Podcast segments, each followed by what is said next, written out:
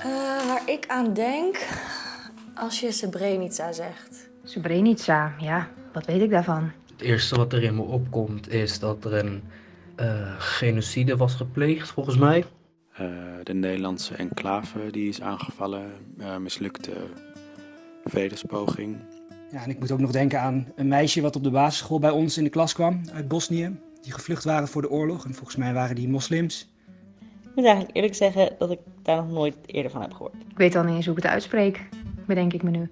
Ik weet eerlijk gezegd niet meer precies, maar ik dacht in de jaren 90.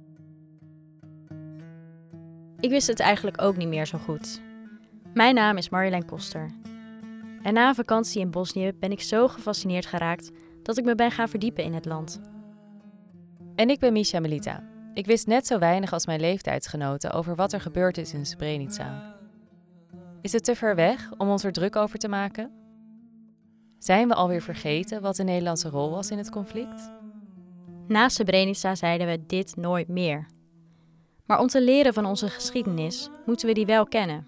En daarom gaan we terug naar Srebrenica en reconstrueren we met ooggetuigen wat er gebeurde in die tragische week in 1995. Luister vanaf 6 juli naar de podcast De Val van Srebrenica. Acht dagen lang. De aanloop, de achtergrond, de val.